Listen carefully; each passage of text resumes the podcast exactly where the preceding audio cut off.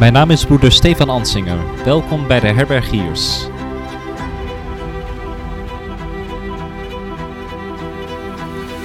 De Herbergiers bieden thuis voor een goed geloofsgesprek.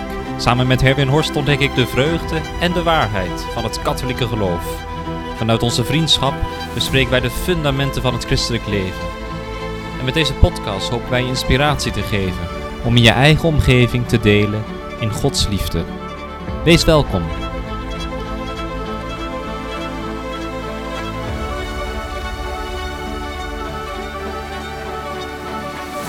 Wat betekent het om Gods wil te doen op aarde zoals in de hemel? Dat is het thema van vandaag. We zien daarbij hoe Thomas dat koppelt aan de gave van de Heilige Geest, de zalensprekingen en Gods wil dat wij eeuwig leven met Hem. Dat begint vandaag.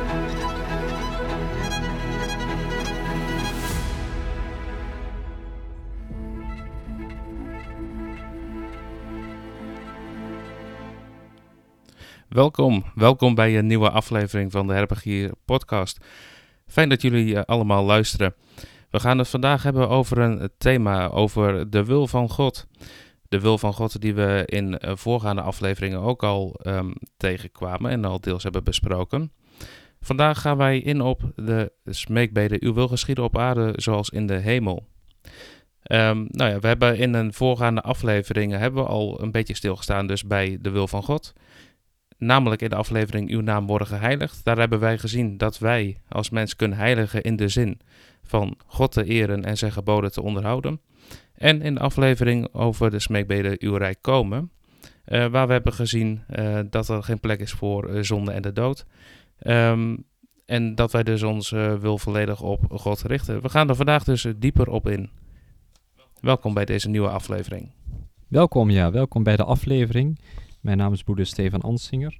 En we hebben inderdaad vorige week het koninkrijk behandeld. Hè? Ja, dat is nu alweer twee weken geleden. Dus uh, uw koninkrijk komen. En het is interessant om te bekijken en te analyseren hoe dat samenhangt met de wil van God. Hè? Dus, want wanneer wij Gods wil doen, dan begint dat koninkrijk natuurlijk al vandaag, de dag hier op aarde. En dat is niet per se een, een koninkrijk wat zich manifesteert in grote vorsten of in grote, uh, ja, uh, grote machten als het ware in deze wereld met grote paleizen. Maar dat is het koninkrijk van God wat begint als een mosterdzaadje in ons hart als, wij de wil, als de wil van God uh, gedaan wordt. Hè. We zien ook, we hebben net, Pasen achter de rug. We zien met Palmpasen, het begin van de Goede Week, dat Jezus ook binnenkomt met een ezel. Hij komt niet binnen als een grote strijder. Nee, hij komt binnen als een, als een ezel eigenlijk een vrij onnozel dier, zou je kunnen zeggen. Um, dat geeft dus ook aan dat het, het, het, koninkrijk van God, wat dan al begint, niet per se iets is wat altijd heel goed groot waarneembaar is. Hè? En dus vandaag zullen we het hebben over die wil van God, die natuurlijk in eerste instantie iets is wat in ons innerlijk leven gebeurt. En dat daarna natuurlijk ook een vertaling, vertaalslag uh, krijgt in ons uiterlijke leven, in wat we doen, in hoe we met de naast omgaan, hoe we in liefde tot God en liefde tot de naaste leven. Maar dat begint altijd met een innerlijke bekering. Als Gods wil geschiet hier op aarde, dus in het hier en nu. Want het christelijk leven gaat altijd in eerste instantie ook om het hier en nu. Is niet alleen iets voor in de, in later in de hemel. Hè. Vroeger hebben we dat wel eens gedacht. Goh, het gaat alleen maar om de toekomst en om de hemel en het is allemaal vreselijk hier op aarde. Nee, de christelijke leer zegt hier en nu moeten we heilig worden. En hier en nu kunnen we al wat proeven van die, van die hemelse heerlijkheid. Dus vandaag inderdaad, u wil geschieden op aarde zoals in de hemel. Ja, en uh, dat, uh, dat laat inderdaad een uh, goede koppeling zien met de afgelopen um, aflevering. Ja. Waarin we ook hebben gezien inderdaad hè, dat in het Rijk, in het Koninkrijk van God, in de hemel, de wil van God in perfecte volledigheid plaatsvindt. Daar geen plek is voor zonde, daar geen plek is voor de dood en de dood is overwonnen. Um, nou, vandaag zullen we ook zien dat dat ook een van onze uitdagingen is natuurlijk dat het uh, aardse leven en wij als mensen hier op aarde niet perfect zijn, maar dat we inderdaad wel een begin kunnen maken met het, met het koninkrijk van God door antwoord te geven aan zijn wil en daarna te leven. Ja. En zoals we van uh, Thomas van Aquino uh, gewend zijn in zijn, um, in zijn werk, als het gaat um, over het Onze Vader, koppelt hij altijd een smeekbede ehm, aan, of koppelt hij altijd een geestesgave aan de sm- smeekbede. En ehm, bij deze smeekbede maakt hij de koppeling van het hebben van kennis. Kun je daar iets eh, dieper op ingaan, Stefan? Ja, dus Gaven van weten. Thomas, ik ja, inderdaad. Wat Thomas weten. dus bedoelt als hij het heeft over kennis, is natuurlijk niet dat iemand die iets minder intelligent is, iets minder kennis heeft, niet de wil van God zou kunnen doen. Dat zou problematisch zijn. We kennen natuurlijk eh, uit, de, uit de heilige geschiedenis heel veel mensen die niet per se een academische leerstoel aan de universiteit bekleed hebben, maar toch heel heilig zijn geworden. Sterker nog, we kunnen misschien ook omdraaien. We kunnen misschien ook zeggen dat kennis in zekere zin ook gevaarlijk natuurlijk kan zijn. Hè? Als we helemaal prat gaan op onze kennis en, en dus niet meer zien eh, waar die kennis eigenlijk toe, toe moet leiden, namelijk tot de, tot de liefde uiteindelijk. Hè? Ehm, Ja. Maar dus Thomas koppelt dat aan de, de geestesgave van de kennis. Want als je de wil moet doen van God, of de wil wil doen van God, ehm, dan moet je natuurlijk eerst weten, wat, wat is die wil eigenlijk überhaupt? Ehm, en daarom denkt Thomas dus inderdaad aan de geestesgave van de kennis. En die kennis die komt van de Heilige Geest. En daarbij gaat het dus niet om een soort van academische kennis, maar om, om een wijsheid. Hè? Dus om een wijsheid om in alle situaties te doen wat, wat goed is voor de, voor de medemens, voor God zelf ook. Ehm, en ook om, hij koppelt dat dan direct ook, en ik denk dat dat überhaupt belangrijk is in het leven, hè, aan, aan de deugd van de nederigheid. Dus de kennis houdt Ja. voor hem heel erg verband met het zoeken naar waarheid. Hè, het zoeken naar waarheid in ons leven. En nogmaals, dat hoeft niet academisch-intellectuele waarheid te zijn. Maar het is ook gewoon de waarheid van alle dag. Hè? Zoals we die in elke situatie in ons leven eh, kennen. Hè? Dus ook het innerlijk leven gaat het altijd om dat, dat de waarheid eh zegeviert. Hè? Dus eh, dat we niet vervallen in leugens bijvoorbeeld over andere mensen. Of dat we niet ons laten leiden door, door onze onderbuikgevoelens. Maar dat de waarheid en het, en het weten en het intellect de leiding blijft houden. En eh, Thomas Ja. zegt dan heel duidelijk natuurlijk dat, ehm, dat het heel belangrijk is om niet prat te gaan op je eigen oordeel en op je eigen kennis. Want iedereen weet, en dat zegt hij natuurlijk ook met de hele filosofische traditie die daarvoor komt, hè, van, van de klassieke filosofie, dat hoe meer we denken iets te weten, hoe meer eigenlijk erachter komen, ja, we weten eigenlijk helemaal niets. Hè. We, we kennen maar heel weinig dingen. Dus ehm, denk ook aan Socrates. Hè. Socrates zegt, ze- zegt ook, het enige dat ik weet is dat ik niets weet. Maar hier gaat het dus heel erg om, om die, om die praktische levenskennis. Om altijd in de waarheid te leven. En die, die komt vanuit de Heilige Geest. En ik denk ook over het, in het algemeen dat het natuurlijk een, een categorie is die moeilijk is vandaag de dag. Want we denken altijd dat we alles zelf kunnen uitvogelen. Dat we waar, dat, Ja, Ja. maar dat.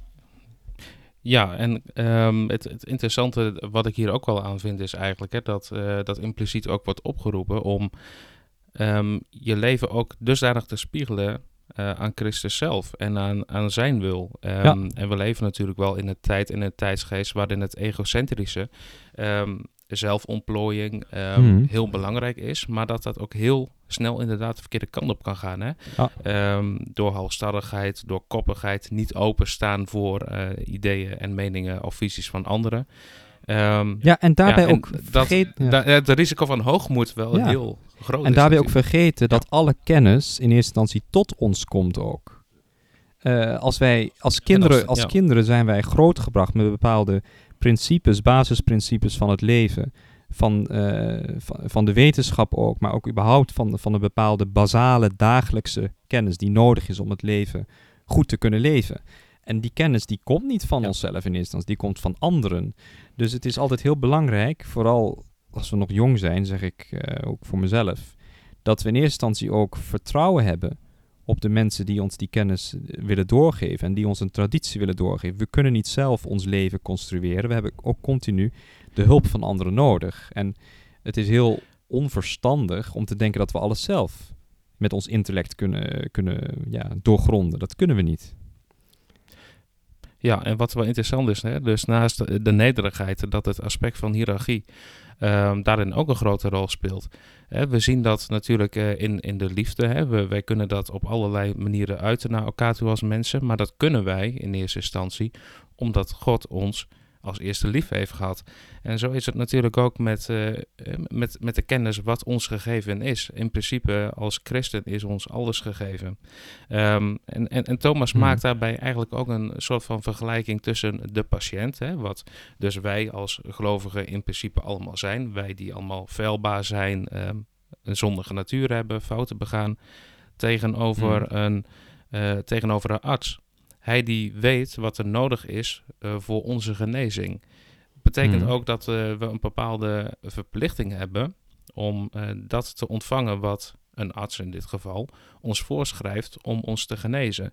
Um, omdat hij kennis heeft van zaken. Genezen van, omdat hij kennis heeft van zaken. En, omdat, um, en hè, waar een arts ons natuurlijk kan genezen van um, uh, lichamelijke kwalen of doorgaans lichamelijke kwalen doet God dat natuurlijk um, om ons um, genezing en redding te geven voor ons zielenheil. Hè? Um, Christus die nodigde zichzelf ook uit als gastheer.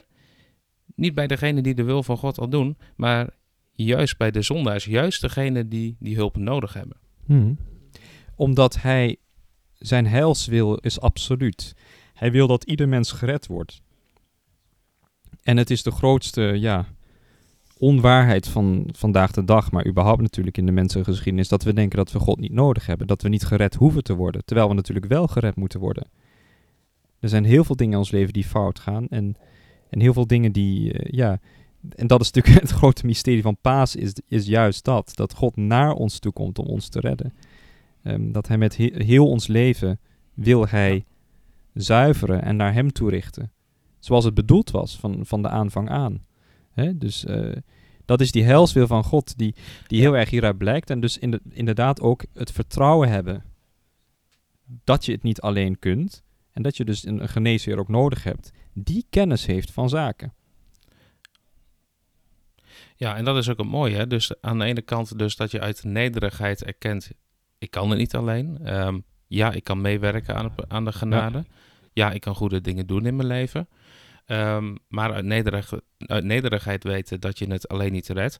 Maar ook met ja, het, een positieve insteek en met de vreugde dat er altijd God is iemand die ons een hand uitsteekt, die ons mm. nooit in de steek laat, die, die ons altijd een kans geeft. Dus dat is natuurlijk ook het vreugdevolle wat we mogen blijven in ons geloof.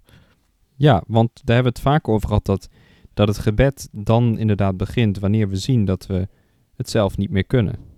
Um, en dan bedoel, bedoelen we dat inderdaad niet vanuit een soort van negatief zelfbeeld. Hè? Dat is gewoon de realiteit. De realiteit is, het is altijd goed om het nog een keer te zeggen, de realiteit is dat we geschapen mensen zijn met een, een, een vergankelijkheid, een beperktheid.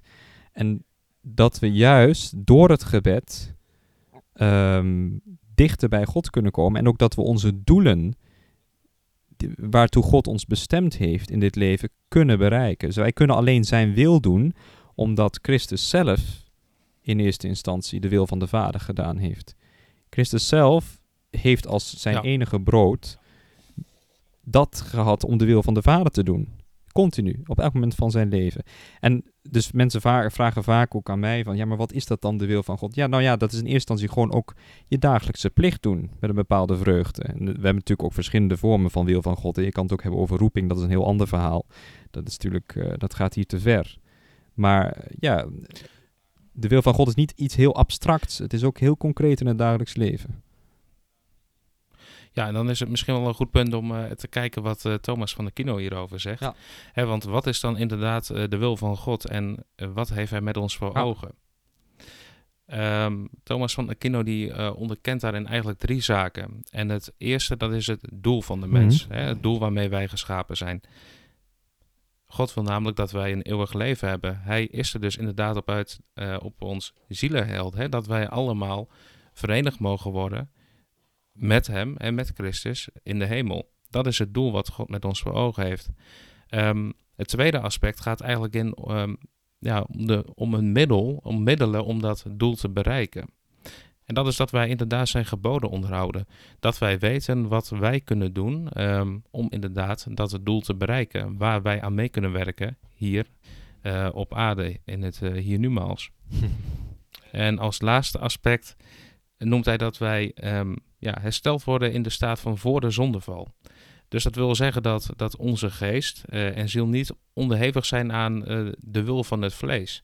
Ehm, dus dat wij niet vervallen in een, in een zonderlijke status. En dat is natuurlijk de grootste uitdaging en de grootste spanningsveld wat wij vandaag de dag als mens ervaren hier op aarde. Hè? De strijd tussen geest en, uh, en het vlees.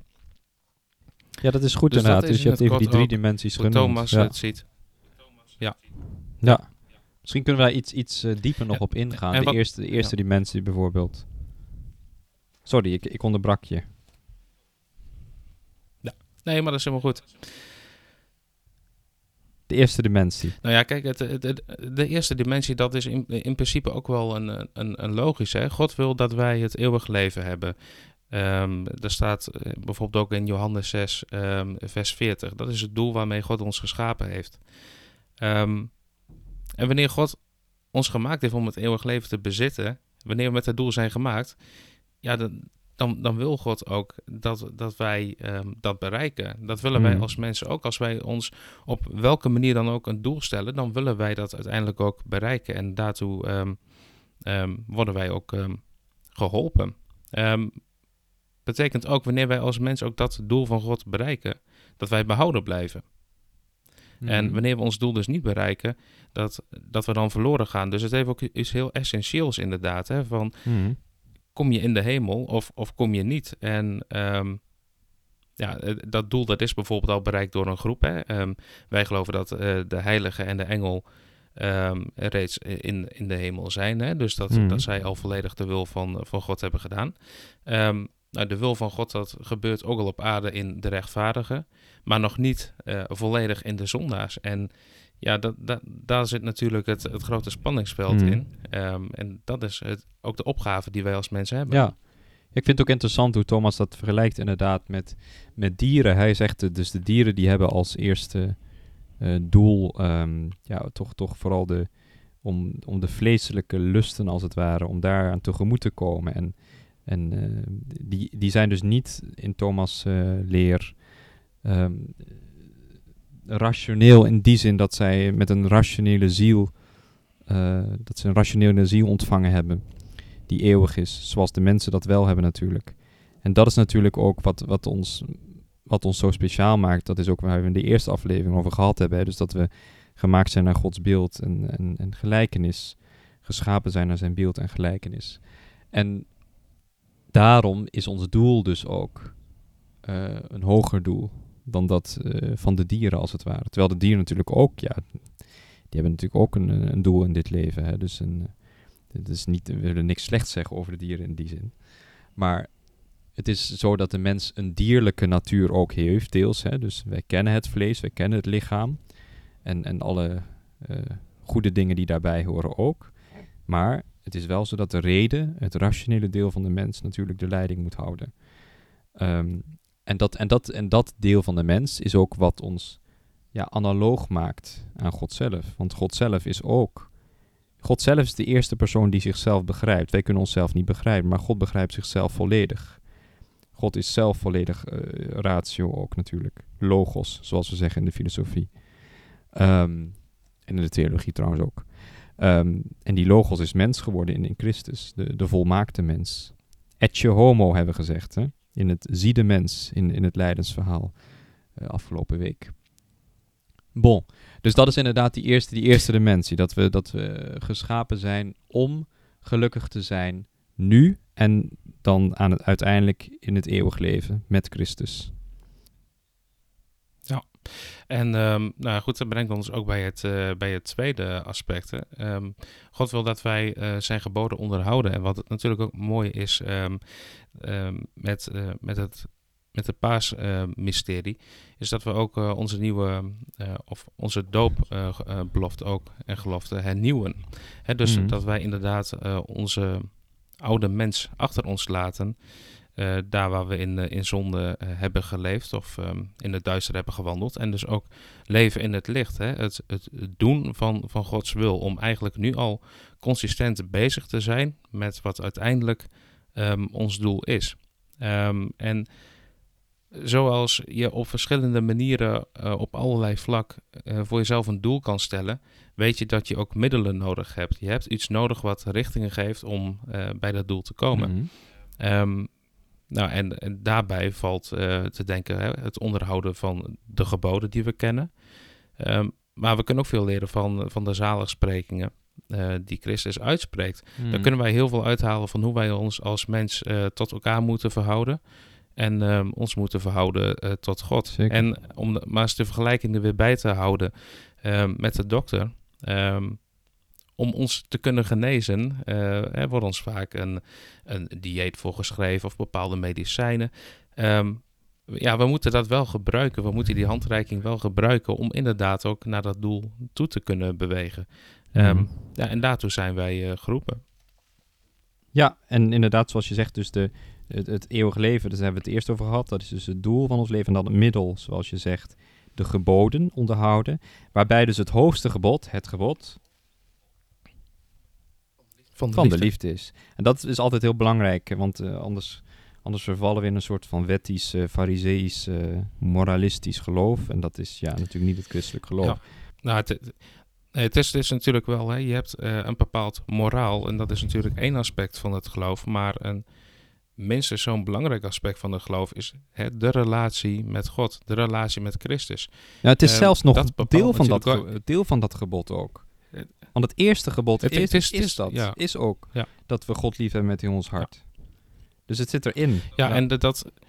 Ja, en dat brengt ook een bepaald licht. Uh, dat, dat schijnt ook een bepaald positief licht, zou ik maar willen zeggen, op die Precies. geboden. Dat wij de, de, de, dus niet zien als last, uh, alsof wij slaaf zijn, nee, maar dat wij dat ook met vreugde mogen uitvoeren. Wat overigens niet wil zeggen dat het altijd even gemakkelijk gaat, maar dat, uh, dat herkent een ieder natuurlijk. Maar dat wij dat wel vanuit een ja, positivistische blik um, ja, mogen proberen na te leven. Ja, want je moet, dit is heel belangrijk, hè? dus je moet niet je continu op het middel blind staren, maar op het doel. En het doel is het eeuwig leven. Dat is de aanschouwing van Christus zelf. En Christus is, zoals we in de paas vaker gezegd heb, hebben, lumen Christi, het licht van Christus. Ik vind het zeer bijzonder mooi hoe nu in de volgende weken van, in de liturgie in de, in de katholieke kerk, uh, de paaskaars brandt.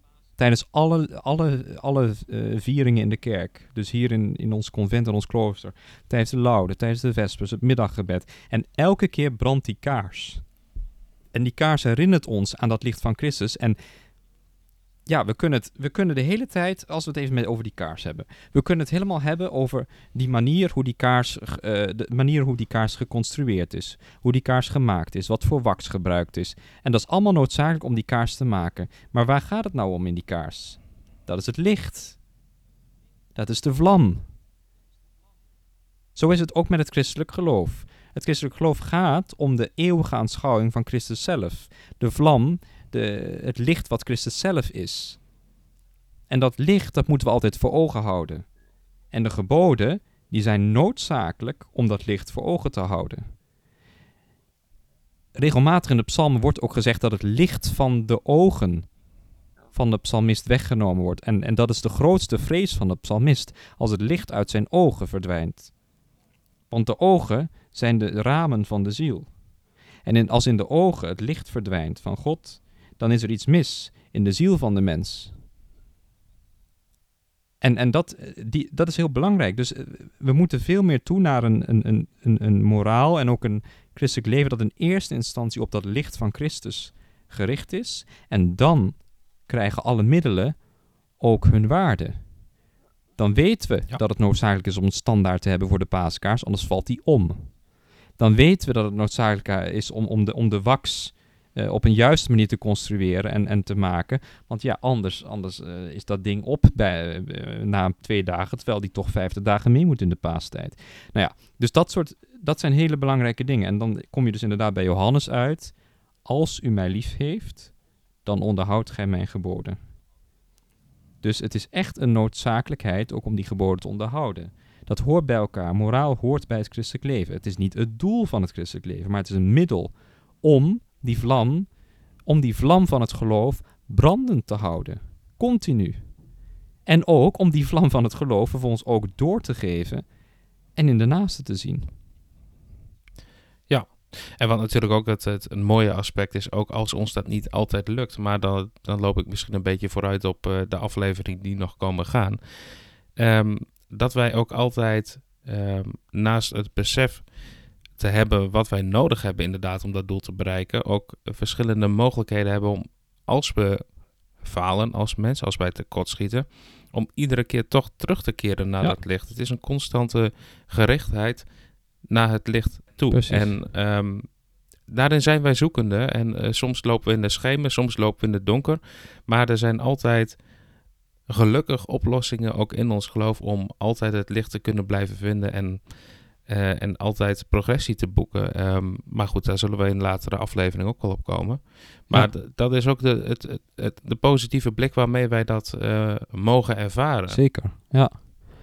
Ja, en, en, ik denk dat Thomas daar heel duidelijk in is. Hè. Die zegt dus inderdaad dat in de hemel die, die volledige aanschouwing er al is, bij het rechtvaardige.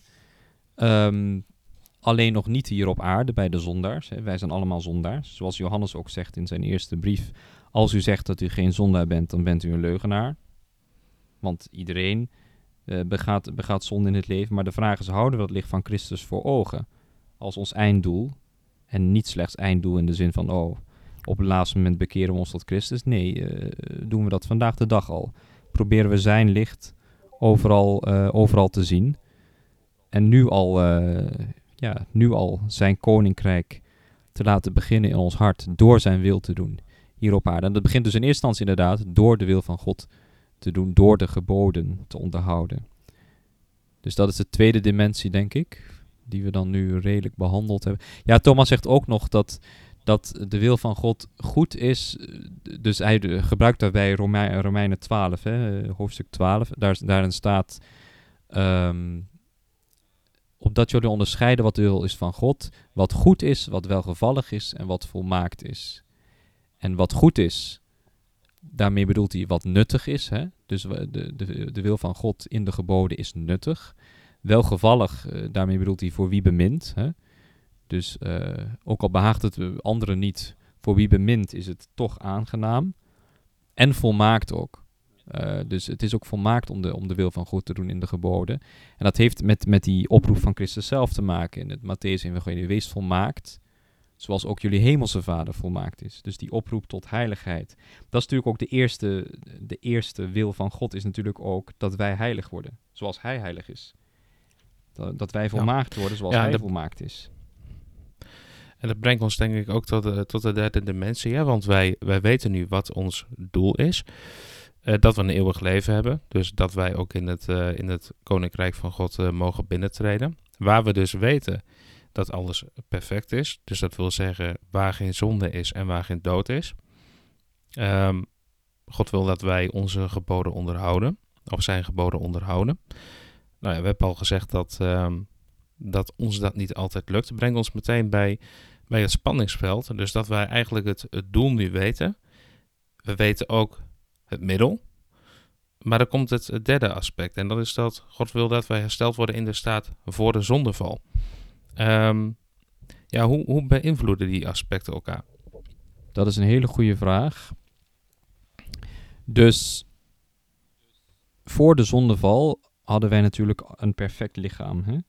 Dus het lichaam volgde exact de geest. Hè? Dus er was geen tegenstelling tussen de wil van het lichaam, zouden we kunnen zeggen, en de wil van de geest. De geest van nature uit verlangt geestelijke dingen. En het lichaam van natuurlijk uit lichamelijke dingen. Maar het lichaam en geest zijn één hè? In, in, de, in de christelijke antropologie. Dus ze zijn niet dualistisch van elkaar gescheiden.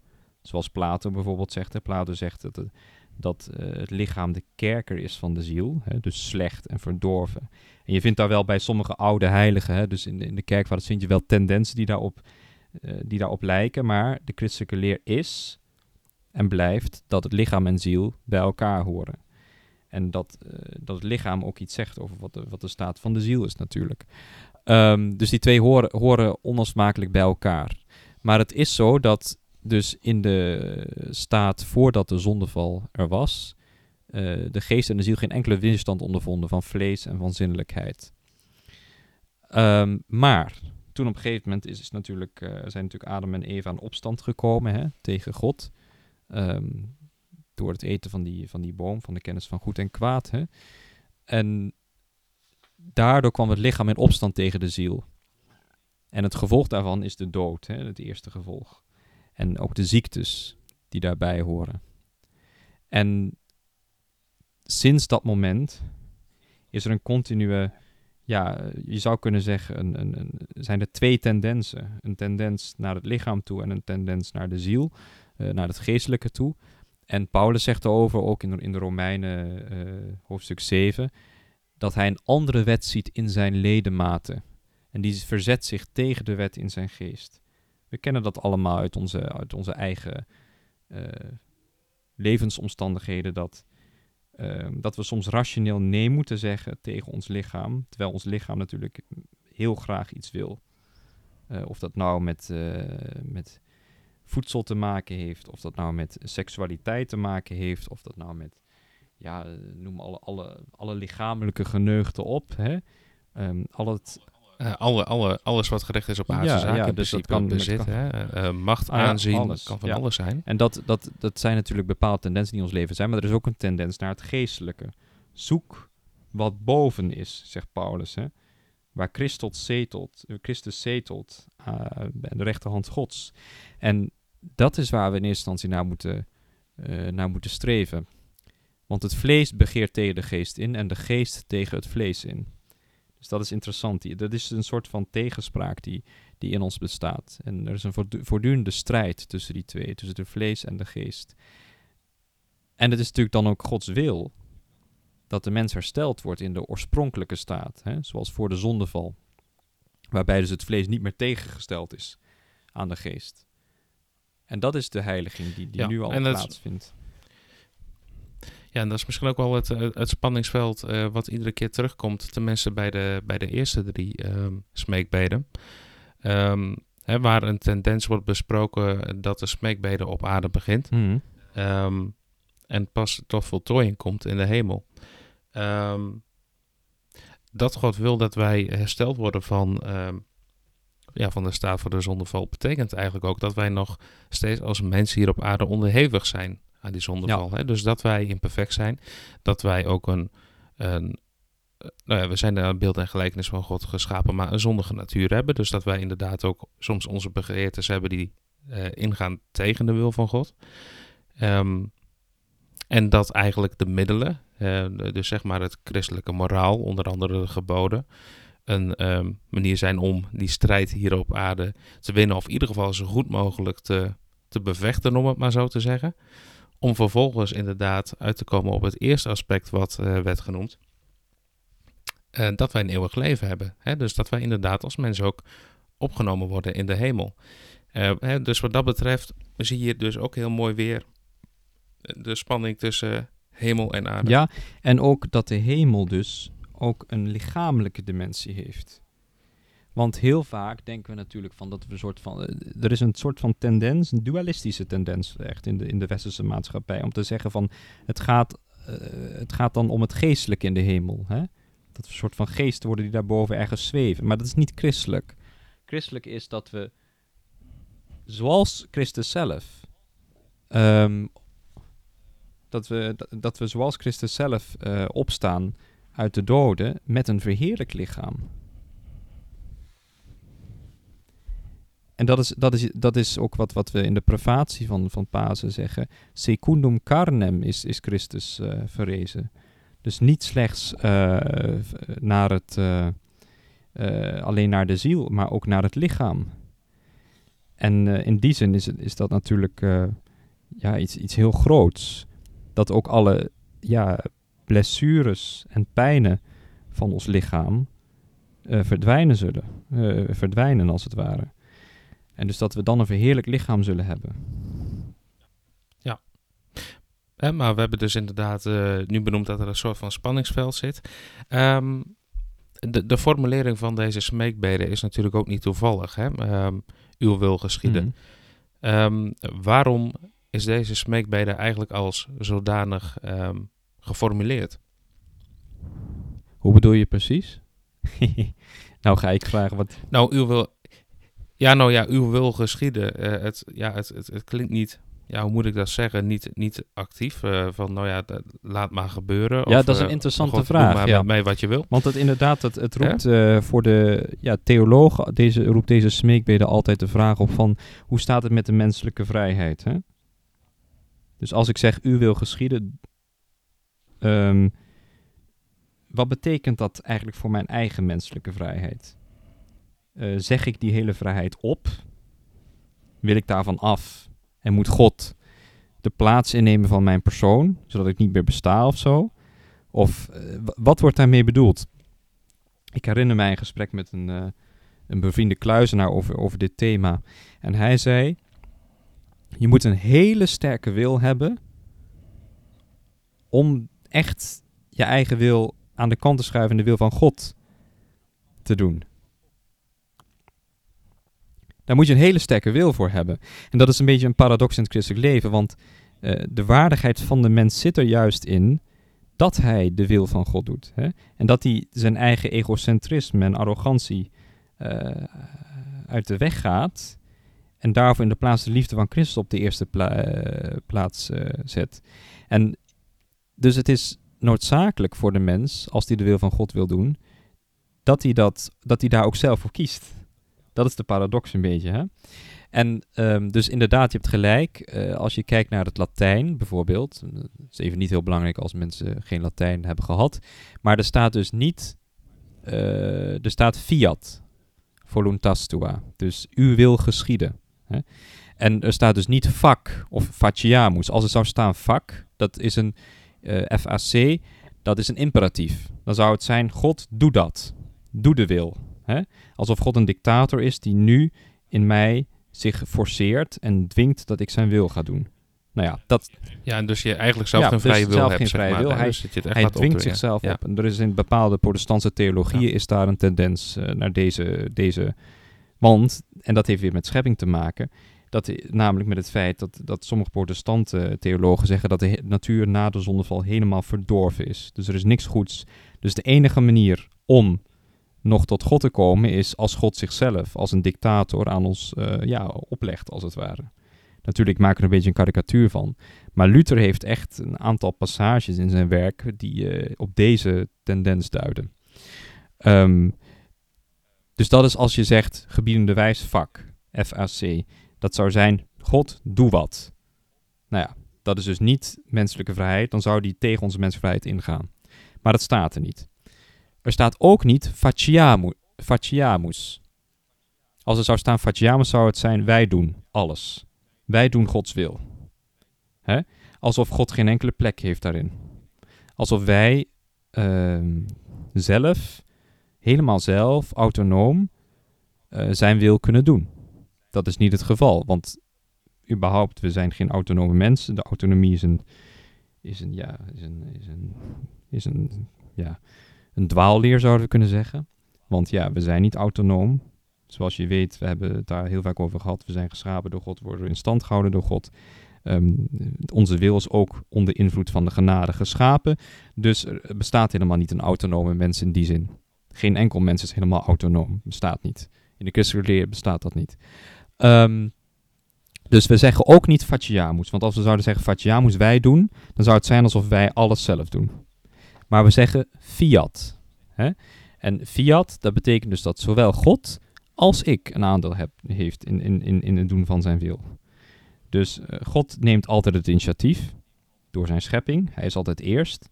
En hij verleidt ons ook, hij leidt onze wil om ons naar zijn wil te schikken. Maar wij moeten wel zelf daarmee akkoord gaan met onze vrije wil. Zelf voor hem kiezen. En dan Ja. komt dat prachtige woord van Augustinus, hè, wat in de traditie zeer bekend is, namelijk in het Latijn. Ik zeg het in Latijn, want het klinkt te mooi om het niet in Latijn te zeggen, uiteraard na een vertaling. Qui creavit te sine te, non justificabit te sine te. Dus wie jou geschapen heeft zonder jou, hè, dus wie jou geschapen heeft zonder jou, namelijk God, die kan jou niet redden zonder jou. Dus ook al ben je geschapen zonder jouw tussenkomst, want dat is pure genade. Ik was er niet toen ik geschapen was. En zelfs het feit dat, dat, dat onze ouders ons ter wereld gebracht hebben, dat is ook genade. Want dat uit al die eicellen en zaadcellen net die twee samenkomen, dat is allemaal in Gods hand. Ehm, en het is God zelf die de ziel in de mens legt. Dus de schepping, helemaal genade. Komt geen enkele tussenkomst van de mens bij. Maar justificabit, dus rechtvaardiging, dus het feit dat ik terug wil naar God, dat kan alleen als ik medewerk met de genade. Als ik ook ja zeg tegen dus je God. Hebt de vrij... Dus je hebt de vrije wil, je moet zelf ja zeggen. Ehm, heeft dan de genade in deze zin ehm, vooral te maken met, um, nou ja, dat, dat, dat, laat ik zeggen, de, eh, de, de mogelijkheden zijn gecreëerd om uit je vrije wil ja te zeggen tegen God? Of moet, ik, of moet ik genade in deze zin anders zien? Ja, dus ik denk, genade is dus heilsgenade. Dus het is Gods wil, Gods verlangen om ons allemaal te redden. Maar ik maak het nou alweer te abstract, want ik zeg God om ons allemaal. Maar nee, hij wil ook jou persoonlijk redden. Mij, broeder Stefan, Herwin Horst, wil hij persoonlijk redden. Er is een verlangen, een liefdesverlangen vanuit God naar ons toe, om dat positieve antwoord van ons te krijgen.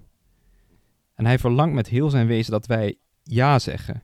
De vraag is, dus dat wij fiat zeggen. De vraag is, um, gaan wij daarop in?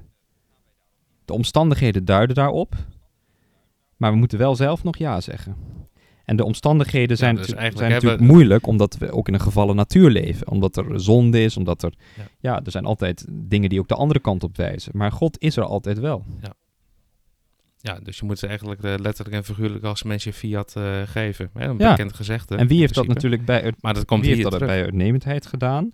Christus natuurlijk, maar in eerste instantie ook de, de heilige maagd Maria.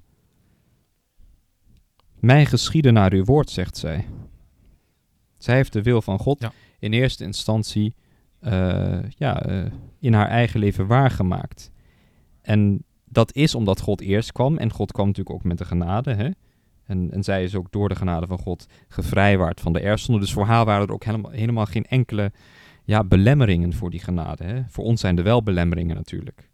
We leven in een wereld die niet altijd even fijn is. We hebben onze eigen zondige vleeselijke natuur die een andere kant op draait, uh, zoals we net gezien hebben. Hè?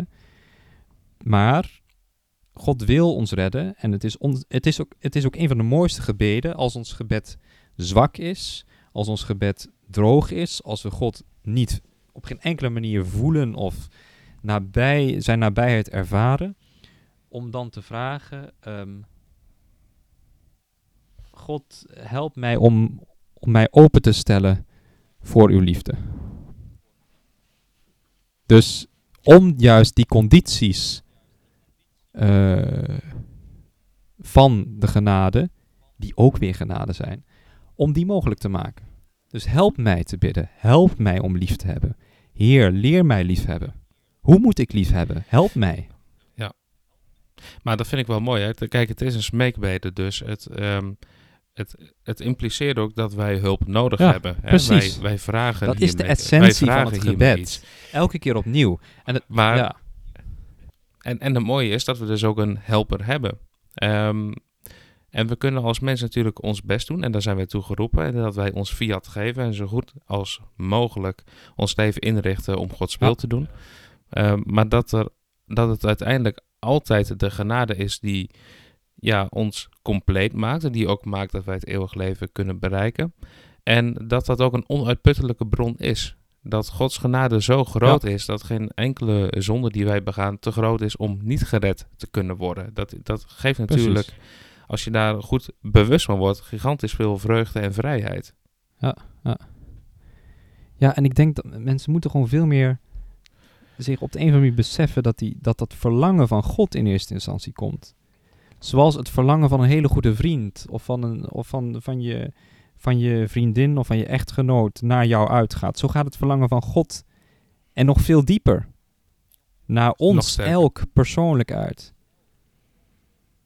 Het is ook interessant als je nadenkt over wat verliefdheid en zo is.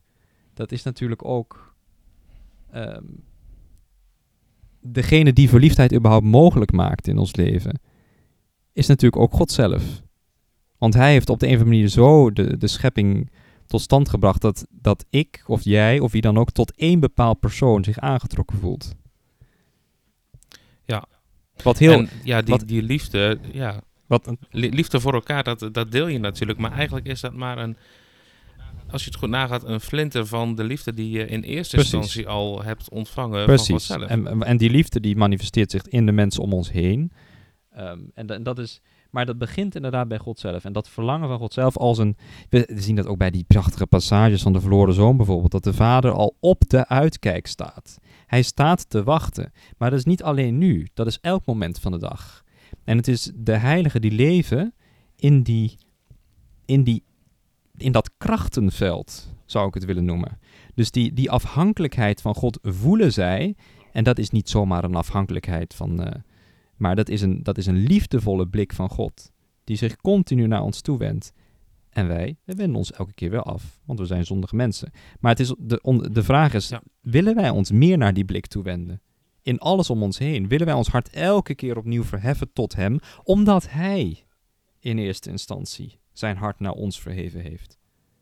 Of sluiten we de deur En dan blijft, en dat doen we natuurlijk regelmatig. En dat is, het, dat is ook, dat, kennen wij onze eigen ervaring, hoe, hoe, hoe vervelend het is als we van iemand houden en die liefde wordt op geen enkele manier wederkerig gemaakt. Die is niet wederkerig. ja, of dat je inderdaad, bese- of dat je zelf beseft dat je tekort bent gekomen in die liefde. Dat, eh, dat kan inderdaad heel eh, vervelend en verdrietig zijn. Ehm, we hebben het er net over gehad in principe, hè, dat wij vanuit, vanuit de vreugde en vanuit het optimistische blik ehm, ja, ehm, kunnen kijken ook naar, naar deze smeekbeden. Maar dan nog, ehm, verbindt Thomas toch eh, de smeekbeden uw wil geschieden met de zaligspreking van verdriet. Ja. Hoe kunnen we dat verklaren? Ja, dat, dat, he- dat, dat is interessant, want hij koppelt die zaligspreking met die drie dimensies die we net behandeld hebben. Dus nogmaals ter herhaling, de eerste dimensie is dat we geschapen zijn voor het eeuwig leven. De tweede dimensie is de manier waarop dat bereiken is door de geboden te onderhouden. Dus het middel is de geboden. En de derde dimensie, dat is die herst- het herstel van die menselijke waardigheid van voor dat is de dat erfzonde. gesteld worden in de staat. Eh, van voor de Precies. erfzonde. Dus die drie dingen, eeuwig leven, ehm, geboden en paradijselijke toestand, hè, dus de, de toestand van voor de zondeval, die dingen worden gekoppeld aan de zaligspreking van, het, eh, van, eh, van zalig de, diegenen die verdriet hebben, want zij zullen getroost worden. Nou, bij de eerste dimensie zegt, zegt Thomas dat de liefde die we hebben voor het eeuwig leven, die brengt een bepaald verdriet met zich mee omdat wij in ballingschap zijn. We hebben nog niet de staat bereikt waartoe wij geschapen zijn. En dat zie je ook bij, ehm, bij Paulus heel erg, want die zegt duidelijk: voor mij is sterven is een gewin. Eh, want dat is leven met Christus. Dan kan ik Christus van aangezicht tot aangezicht zien, terwijl ik hem nu nog in schaduwen zie om mij heen, als in een spiegel, hè, zegt hij. Dus die, dat verlangen naar het eeuwig leven brengt ook een verdriet met zich mee, omdat we daar nog niet zijn. En ik denk dat we als christenen allemaal wel ergens die, die ervaring hebben. Vooral ook als het echt wat moeilijker gaat in ons leven, dan mogen we ook verlangen naar dat, naar dat eeuwig leven. Dus in die zin eh, denk ik dat dat zeer, zeer actueel eh, blijft altijd voor het eeuwig leven. Dat is de eerste dimensie. Misschien kan jij wat over de tweede zeggen. Of... Ja, en die. Ja, nou goed, hè, als je naar die tweede kijkt, dan eh, komen we inderdaad weer bij die aloude strijd tussen het, tussen het vlees en, ehm, en, en, de, en de geest. Hè? Hmm. Tweede dimensie, dat gaat namelijk over ehm, dat wij de geboden onderhouden. En hoewel wij ons er bewust van kunnen zijn en doordrongen kunnen zijn dat de geboden goed zijn en dat zij inderdaad ehm, middel zijn voor het, voor het grotere doel, voor het vreugdevolle doel ehm, waar, waarvoor wij gemaakt zijn, kan het alsnog veel verdriet brengen om daadwerkelijk die geboden te onderhouden. Ja. Want geboden onderhouden, ehm, omwille van ja, van, het, van het geestelijke en om inderdaad te leven naar de wil van, van God, naar, de, eh, naar het voorbeeld van Christus, maakt ook dat wij eh, onszelf dingen moeten onthouden. En Mm. dat zijn dan vaak wel inderdaad ehm, de verlangens of de emoties die worden gevoed vanuit het vlees. Hmm. Dan gaat het inderdaad soms om begeerte, ehm, seksualiteit, ehm, voeding, macht, aanzien, al die aardse zaken waar wij ons ehm, vooral in deze consumptiemaatschappij Hmm. van vandaag de dag toch heel erg aan gehecht kunnen raken. Ja, die leiden eigenlijk af ehm, van de gerichtheid naar God. En die kunnen zelfs dusdanig afleiden dat wij die gerichtheid helemaal niet meer hebben. Hoewel wij het verschaffen van dergelijke aardse zaken wel heel prettig vinden voor onze gemoedstoestand eh, hier in Ja, en een zekere mate van is goed ook. Dus, dus Ja. In zekere Ja. mate goed, maar balans is natuurlijk Precies. belangrijk. En ehm, ja, dat kan heel lastig zijn om dat in het eh, leven te bewaren. Mhm. En ehm, ik denk juist ook op momenten dat je dat van jezelf inziet en dat je die, ja, die strijd in jezelf ehm, herkent en misschien soms wel eens de onmacht voelt, Hmm. hè, dat dat ook zeker verdriet met zich mee kan brengen. Eigenlijk hè, is er een heel mooie eh, psalmvers die, eh, die dat heel goed samenvat. Psalm 126, vers 6. Hè, de geboden zijn aangenaam voor de geest, maar bitter voor het lichaam. Omdat ja, het eigenlijk in bepaalde mate, als die balans en die deze twee tegenpolen zijn, die Hmm. elkaar aanvallen. En daar hebben wij in het leven natuurlijk wel mee te maken. Ja, waarbij denk ik het lichamelijke dus niet te vleeselijk opgevat moet worden. Zoals je net al zei, het lichaam is, is natuurlijk de hele lichamelijke realiteit, die ook met emoties, passies en macht en aanzien, zoals je zegt, al te maken hebt. Dus niet alleen de zeer basale gevoelens van het menselijk leven, maar ook andere, andere zaken die, eh, die schade eh, kunnen, kunnen veroorzaken aan ons geestelijk leven. hè. Dus en, dat is, elke keer zijn die twee polen aanwezig. De pool die leidt naar Christus en de pool die, ja, die leidt naar, de- naar het lichaam. Ehm, en en het, lichaam moet dus inderdaad in zekere zin soms in bedwang gehouden worden. Dat is kan een pijnlijke situatie zijn. Daarom is natuurlijk vasten ook niet altijd fijn. De kerk vraagt van ons om te vasten op bepaalde dagen. Dus op, als woensdag en Goede Vrijdag voornamelijk. Ehm, en dat voel je. Eh, dat voel je dan in, in, de manier waarop je functioneert op zo'n dag. eh, eh, dat je wat minder gegeten hebt. En, en maar op die manier word je wel meer ontvankelijk voor het geestelijke ook. En merk je ook dat je als mens niet alles in de hand hebt. Want dat is elke keer weer die, die, die verleiding van autonomie. Hè? Dus net ook hebben we hebben dat weer gezegd. Het gebed is dan belangrijk wanneer we zeggen: we kunnen het niet alleen. En we kunnen het niet alleen, want ons doel van het leven is het eeuwig leven. En het le eeuwig leven wordt ons geschonken. We hebben daar geen recht op. We kunnen dat niet calculeren. We kunnen dat niet wiskundig eh, verwerven. We kunnen het ook niet verwerven door 20 uur te werken per week aan ons eeuwig leven of zo. Nee, het is genade. En het komt vanuit de liefde van God. En dat staat natuurlijk haaks op onze effectiviteitsmaatschappij van vandaag de dag. Die alleen Ja. maar het heeft over 24-uurs-economie en allemaal van dat soort zaken. Werken is belangrijk, al dat soort zaken zijn belangrijk. Maar het eeuwig leven en de genade wordt ons uit gratuïteit, gratis, gratia is het ook. Gratia en gratis, dat hangt, bij, hangt samen met elkaar. Eh, dat kunnen we niet calculeren, dat kunnen we niet zelf verwerven. Als vanaf het moment dat we zeggen dat we het zelf kunnen verwerven, dan zijn we ook schuldig aan bepaalde dwaalleren in de kerk. Pelagianisme noemen we dat. Ehm, dat is even niet te veel van belang. Ik wijk te veel af. Maar in ieder geval, dat is heel belangrijk dat we dus echt dat gebed als, als een doel zien, eh, als een belangrijk doel van ons leven, om überhaupt in leven te blijven. Want wat is leven? Dat is in eerste instantie leven met Christus. Dat is toch wat we willen, hier en later ook. Ja, en dat is nou dus mooi aan het eh, gebed onder andere, hè, dat wij inderdaad daarmee eigenlijk ook Christus centraal stellen. Of we ons in ieder geval eh, bewust van maken dat wij Christus centraal moeten stellen, in plaats van inderdaad onszelf. Hè, en dat Christus ergens om ons heen hangt, terwijl hij juist centraal moet staan. Maar als we dan nog eh, even kijken naar het eh, derde aspect en eh, waarom ons dat verdriet brengt. Ja, dat, dat hangt natuurlijk al heel erg samen met het aspect wat we zojuist hebben behandeld. Hmm. Ehm, en God wil dat wij hersteld worden in de staat van voor de zondeval, voor de erfzonde. Ehm, dat wil zeggen dus dat geest en lichaam inderdaad in balans zijn. En dus dat ehm, de geest en ziel niet onderhevig zijn aan het geweld van het vlees. Hè? Dus aan de zondigheid. Dus eigenlijk Mhm. is het een verlengde van eh, wat wij zojuist al zeiden. Ehm, en ook daarin weer een psalmtekst. Hè? De, de ziel wordt door de dagelijkse zonde verwond door het vlees. Hmm. Ehm, ja, met de oog op verzoening brengt dat verdriet. Ehm, ja, dus het, ook hierin weer de constante strijd tussen, tussen de ziel en de geest en, en het lichaam. Ja, en ik denk als tip nog voor ons dagelijks leven is het goed om even stil te staan nog wat bij Romano Guardini over deze passage zegt, waarbij ik één ding eruit zou willen lichten. Ehm, namelijk, hij heeft het over de wil van God, die, die als eerste geschiet ehm, niet in Christus zelf, maar in de, in de engelen. Dus voordat de Christus überhaupt op deze wereld gekomen is, waren de engelen er al. Hè? De engelen zijn ook geschapen, maar zijn geschapen we geestelijke geschapen we wezens, zonder een lichaam. Maar zij hebben dus ook op een gegeven moment gekozen voor God of tegen God. Hè? Dus de, de, engel die tegen God gekozen heeft, dat is natuurlijk Satan geworden, de duivel.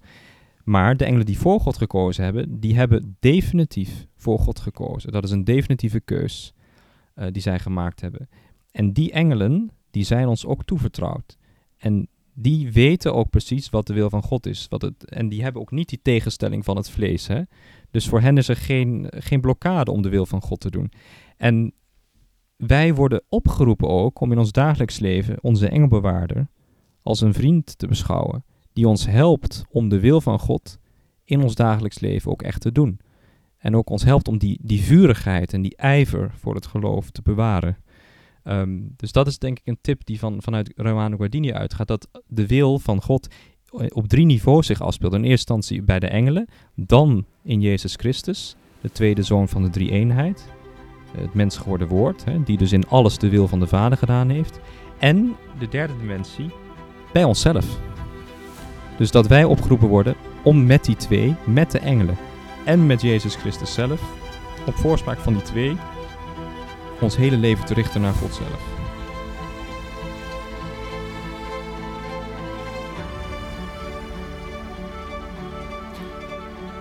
Mooi. Ja, dat uh, lijkt me een goed moment om uh, ook deze aflevering, zoals jullie van ons gewend zijn, uh, af te sluiten met het gebed, het Onze Vader. plan.